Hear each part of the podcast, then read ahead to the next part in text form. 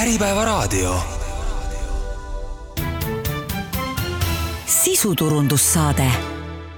tervist ja tere kuulama sisuturunduse saadet, minu nimi on Ando Sinisalu ja täna on minu külaliseks äh, IT-ettevõtte NetGroup äh, juht Priit Kongo, tere tulemast! tere tulemast! ja see saade nüüd äh, peaks olema mõeldud kõikidele neile, kes mõtlevad või, või kellel on teemaks enda ettevõttesse tehnoloogiajuhi või CTO või Chief Technology Officer, kus see inglisekeelne lühend on tulnud, sellise inimese palkamisest või ka need, kes kes võib-olla ise seda tööd teevad. Ja me räägime siis sellest, kuidas on võimalik seda ametipositsiooni äh, täita niimoodi agiilsel, moodsal moel, ilma et oleks mõni väga kallis äh, suurepalgaline inimene vaja põhitöökohaga tööle võtta, saab selle asja ära ajada ka teisi lahendusi kasutades, millest me kohe pikemalt räägime, aga alustuseks äh, paneme põhilised mõisted paika, et see tehnoloogiajuht või, või Chief Technology Officer või CTO, Priit, mis selle ametipositsiooni peamised ülesanded ja, ja eesmärgid on? see ametipositsioon ja see töötaja vastutab juhtkonna tasemel ärieesmärkide jaoks vajaliku tehnoloogilise platvormi kasutuselevõtu eest Äh, lahti seletutuna siis see, et äh, kõik see, mis nagu tarkvara ja tehnoloogia toetab, peab äh, olema efektiivselt nagu äriedu kasuks suunatud. ja CTO või tehnoloogiajuht, tema ülesanne ei ole mitte ainult hetkevajadust lahendada, vaid vaadata ka tulevikku, et kõik need otsused ja investeeringud, mis täna tehakse, toetaksid ka homset, ülehomset päeva ja, ja pikemat tulevikku kus ta seal hierarhias paikneb, et kui ütleme, selline tüüpiline organisatsioon, kus on äh, siis juhatuse esimees või tegevdirektor ja siis on need tähtsamad äh, valdkonna direktorid, et olgu see siis müük või turundus või või äh, logistika või personal või, või tehnoloogia, mis, mis iganes sõltuvad organisatsiooni eripärast on, et, et kuidas, kuidas ta seal täpsemalt asetseb? Noh, tema roll on nüüd viimasel ajal ikkagi kõvasti nagu tähtsamaks muutunud ja, ja oleneb organisatsioonist, aga ta on ikkagi tegevjuhi selline parem käsi, kas otse tema all või, või isegi nagu kõrgem võib-olla ka kõikidest muudest, sest et tehnoloogiate paraku ei saa ükski ettevõte enam hakkama ja ta on ikkagi, ütleme, ta on võtme, võtmeroll tegevjuhi paadis nüüd, kui, äh, kui rääkida digitaliseerimisest, olgu see siis tööstusettevõte või olgu see siis kaubandus või mõni muu ettevõte, et, et seal on tegelikult äh, see digitaliseerimine on nagu väga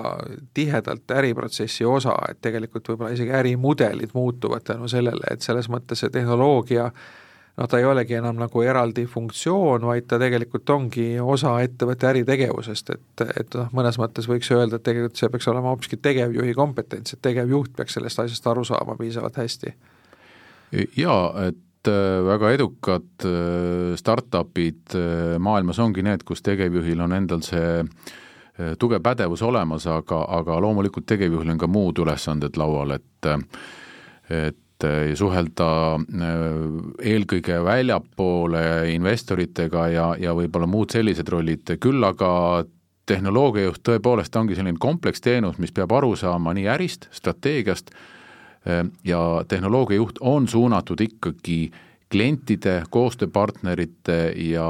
nende suunas, kellega koos siis seda äri kasvatatakse ja, ja uusi teenuseid turule tuuakse aga kuivõrd seal on oluline nagu selline nagu väga kitsas erialane kompetents, et, et tihti need kaks asja, eh, selline suure pildi nägemine, äriprotsessidest arusaamine, klientidega suhtlemine ja siis väga tugev eh, nii-öelda tehnoloogiline kompetents, selline ütleme, koodi kirjutamise oskus, et need tihti ei mahu ühesse inimesse ära, et need on nagu üsna erineva äh, tüüp, erinevat tüüpi inimesed, et, et, et kummas otsas see, see tehnoloogiajuht pigem on, et kas ta pigem on hästi tugev spetsialist või on ta pigem selline üldjuht? tehnoloogiajuht, CTO peaks olema ärilise arusaamisega ja tehnoloogia kogemusega ja see kogemus, ma rõhutaksin, on hästi oluline, ikkagi vähemalt kümme aastat peaks see olema sellist nagu ajalugu, et teada, mis töötab ja mis ei tööta, peab olema kogemusi ebaõnnestumisi, läbitulemisi keerulistest olukordadest, sest et tüüpolukorrad on jätkuvalt samad. et kuidas aru saada sellest dünaamikast ja, ja äri nagu liikumise asjad, need saab selgeks teha, aga just, et kuidas nagu tehnoloogia mõjutab mingit äri, mingit osa, see tuleneb sellest, et kui palju see tehnoloogia taustaga inimene ärist aru saab ja see on see keeruline kombo, et neid on väga raske leida, sest et nende küpsemisaeg on pikk ja see inimese nagu valmisolek tehnoloogiline äri hakata juurde õppima või vastupidi, ega neid ka väga palju ei ole. Et see tundub jah, selline üsna, üsna haruldane har,, haruldane liik olevat, et ehm, noh, arvestades seda, et see on haruldane liik ja arvestades seda, et enamikel ettevõtetel sellise inimese järgi vajadus on, siis tõenäoliselt äh, nende inimeste äh, nii-öelda hinnalipik tööjõuturul on päris, päris suur ja, ja neid on raske leida. et, et kui palju selliste inimeste palgavahemik tavaliselt on, kui nüüd ütleme, keegi sooviks endale tööle võtta, ühe korraliku kümme pluss aastat kogemusega tehnoloogiajuhi, siis millise, millise palganumbriga peaks arvestama? No see võib olla ikkagi alates sealt kuuest-seitsmest tuhandest eurost ülespoole, pluss siis muud äh, boonused ja hüved.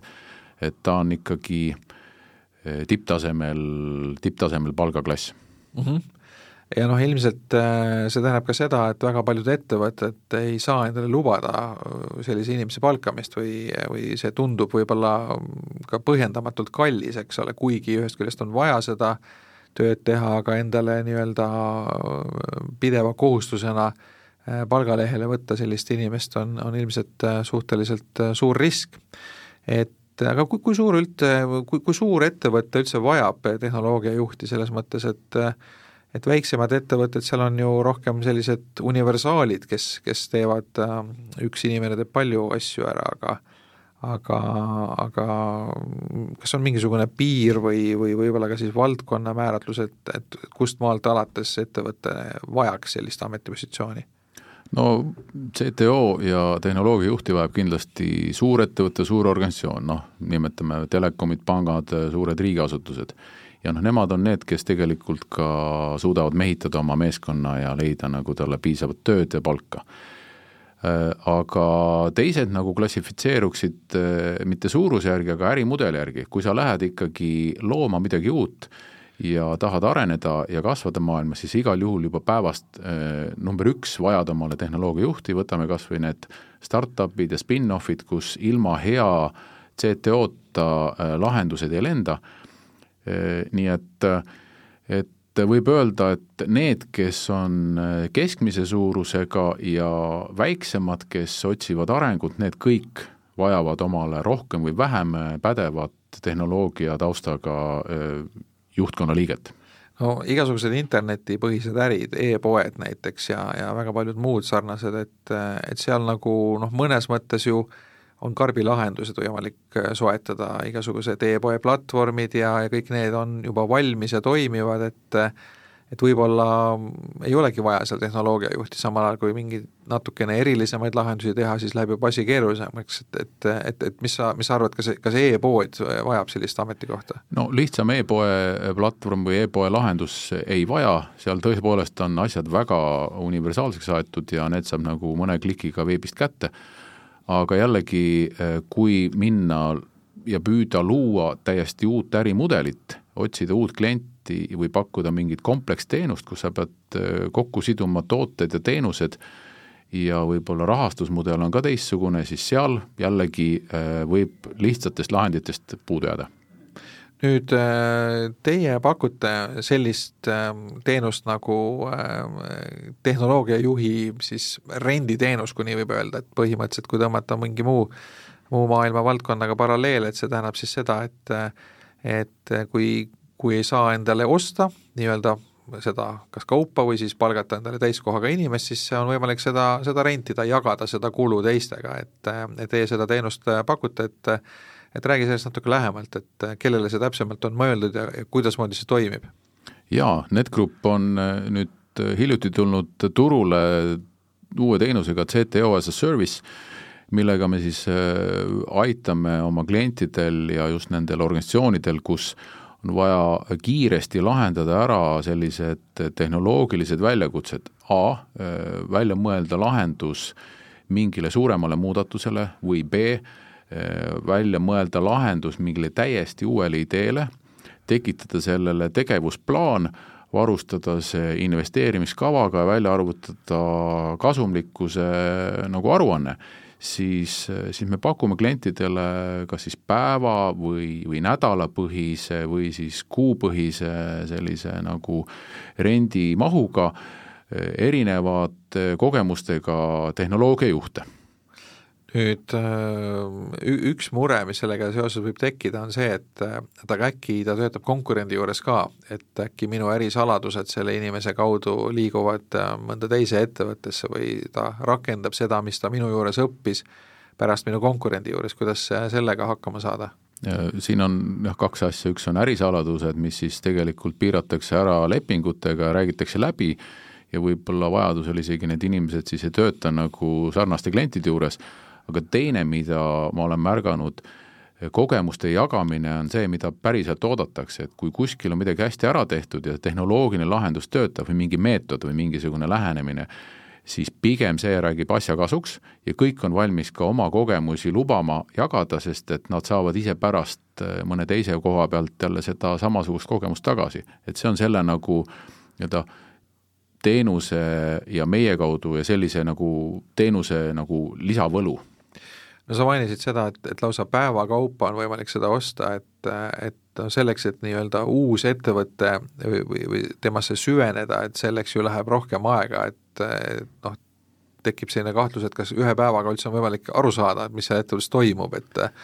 et, et see tundub nagu pigem selline rohkem pikem protsess olevat, et, et mis see ühe päeva teenus siis, mis, mis kasu sellest saab?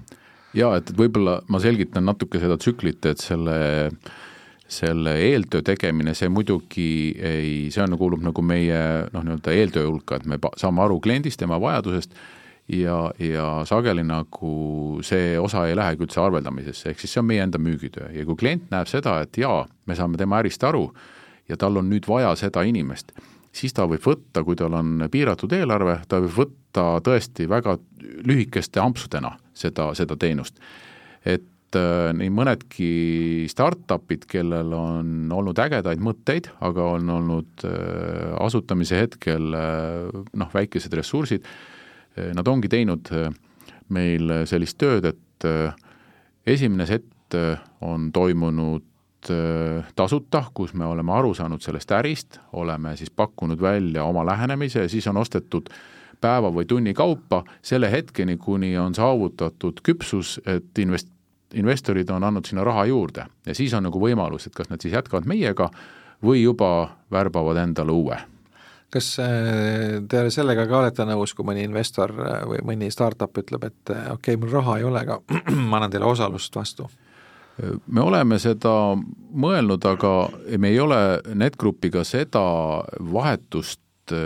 veel nagu lauale võtnud, see on täiesti eraldi teema, NetGroupi äri on täna ikkagi teenuse pakkumine, investeerimine käib meil läbi eraldi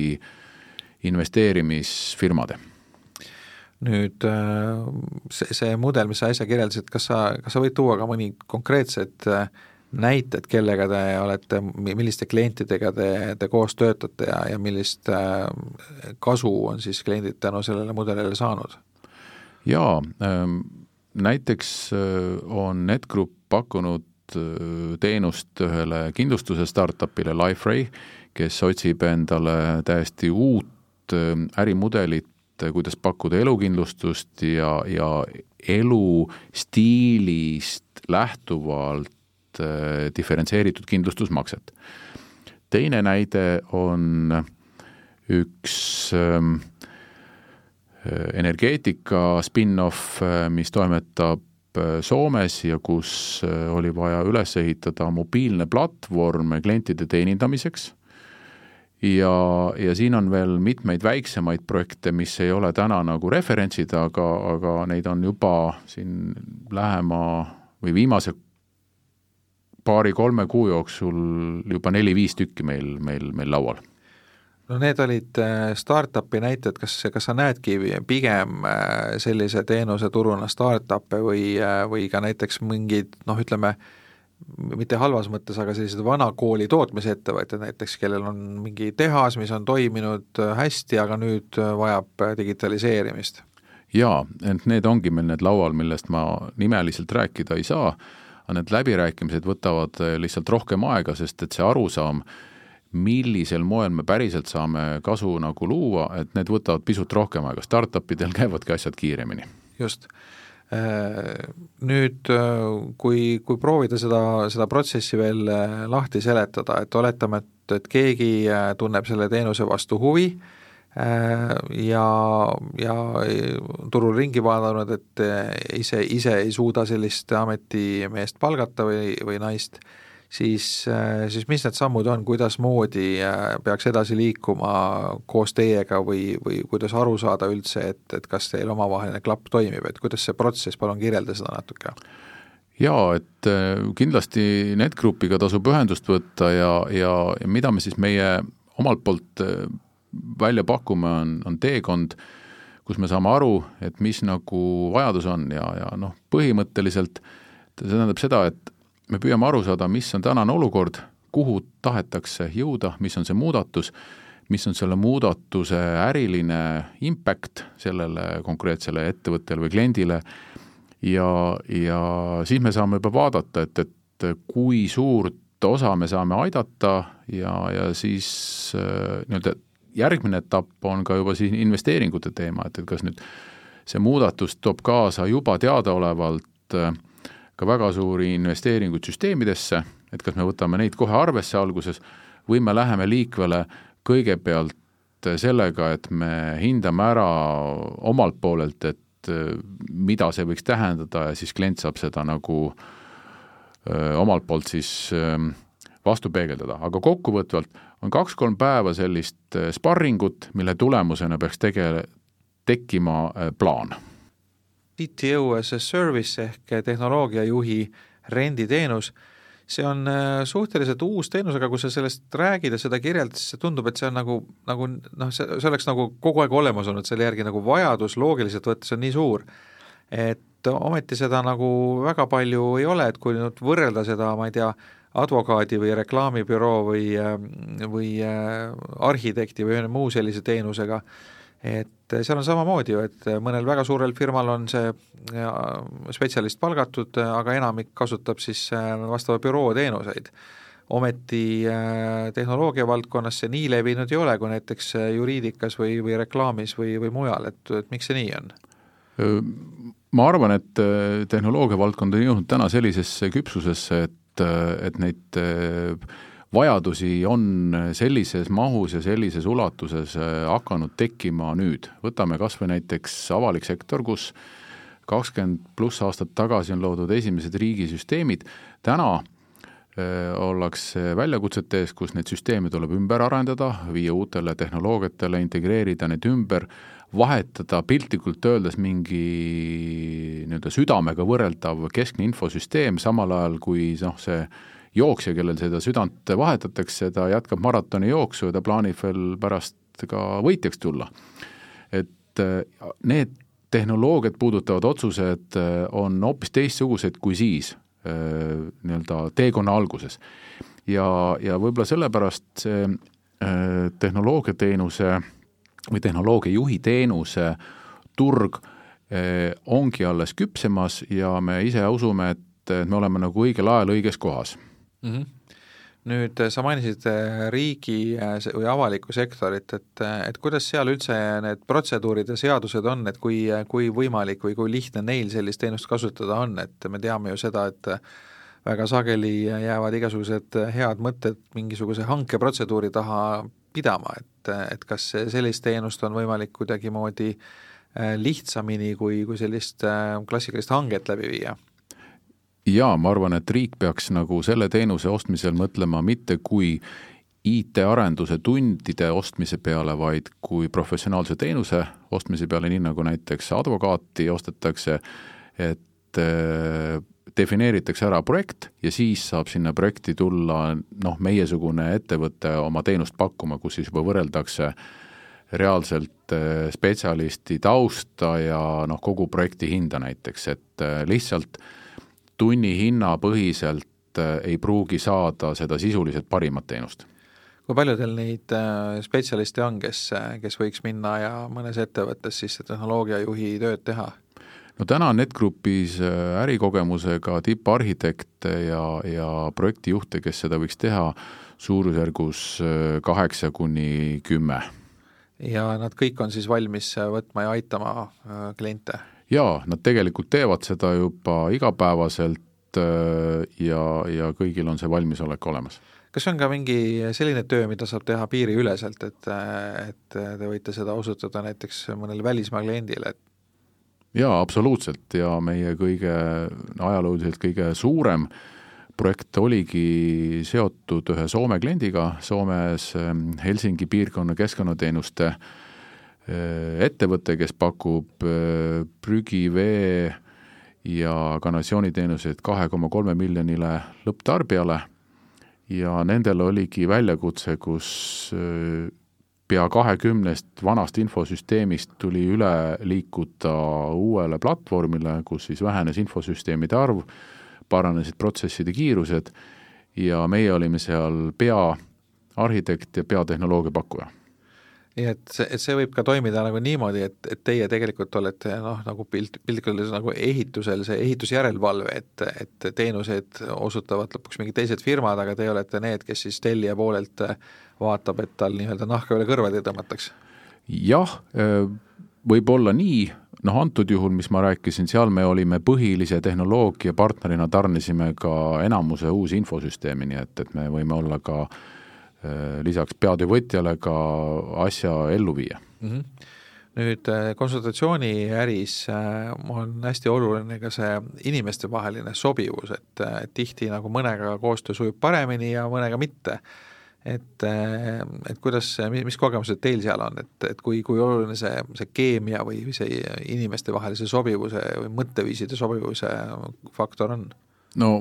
väga õige küsimus ja see on absoluutselt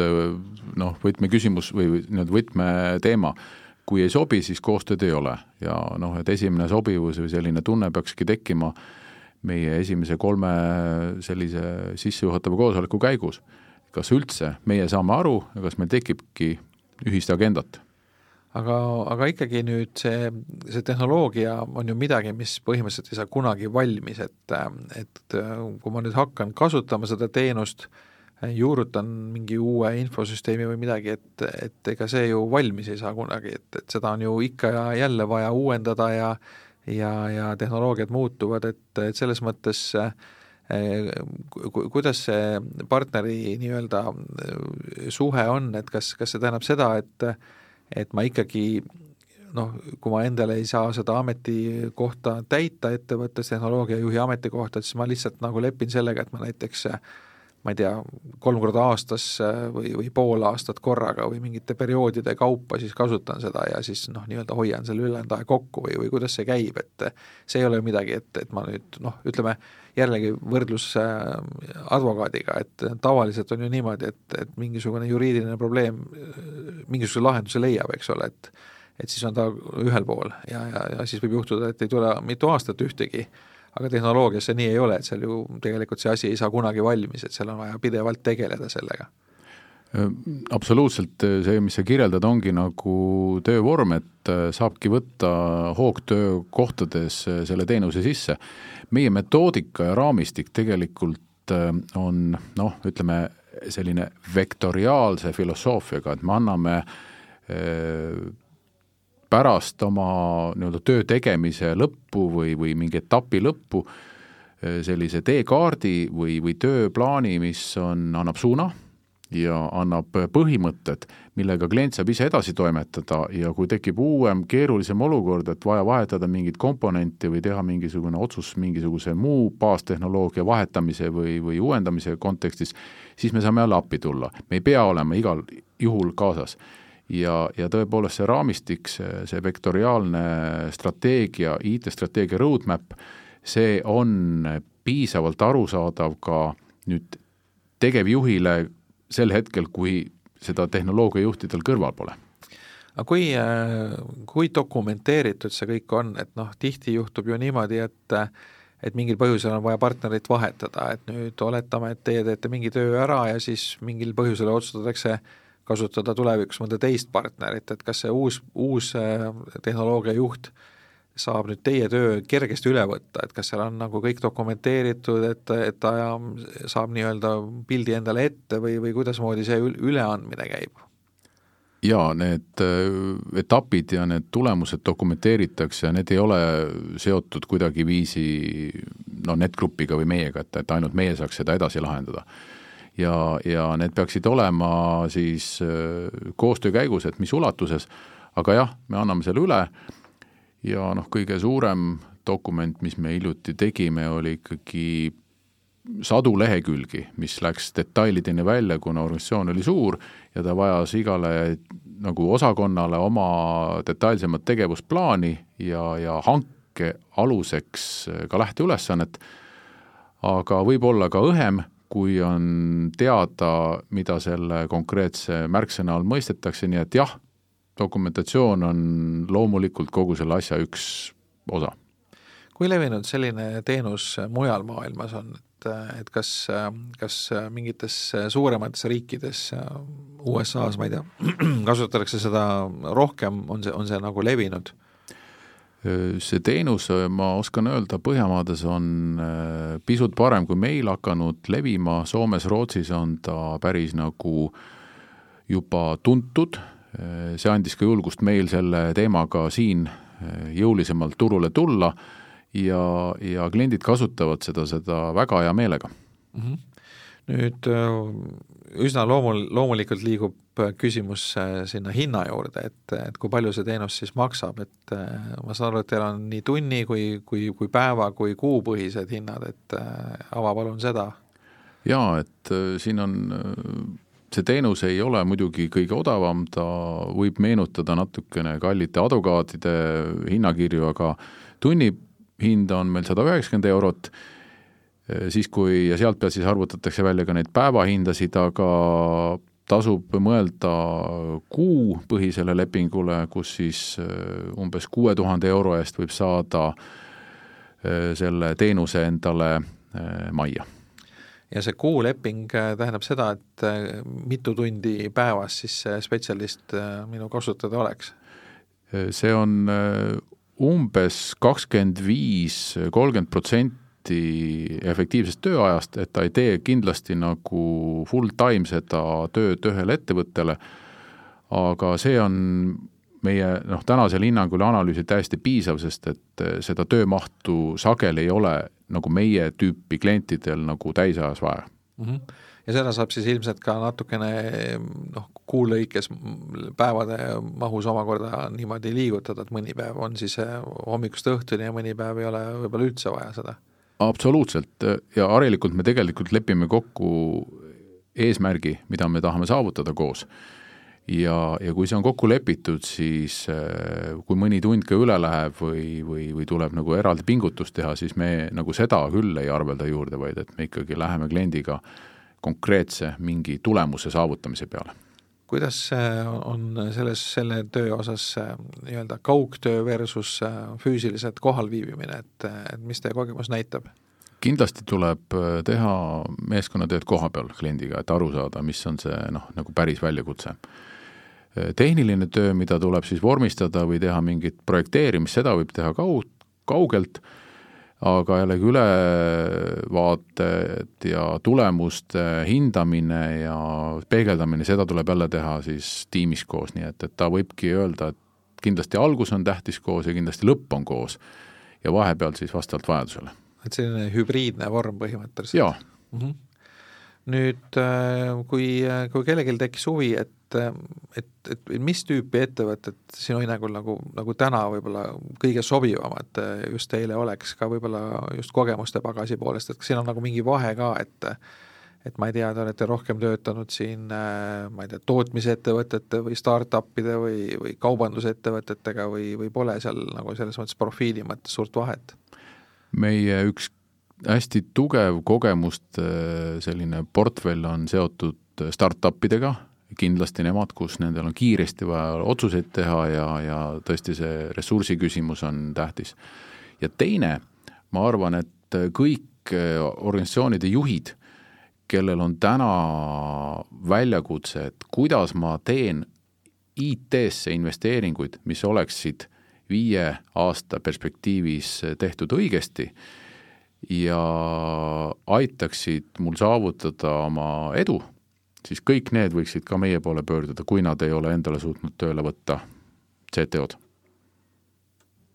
räägime juttu Priit Kongoga Netgrupist, kes pakub äh, unikaalset äh, tehnoloogiajuhi renditeenust, äh, inglise keeles siis CTO as a service.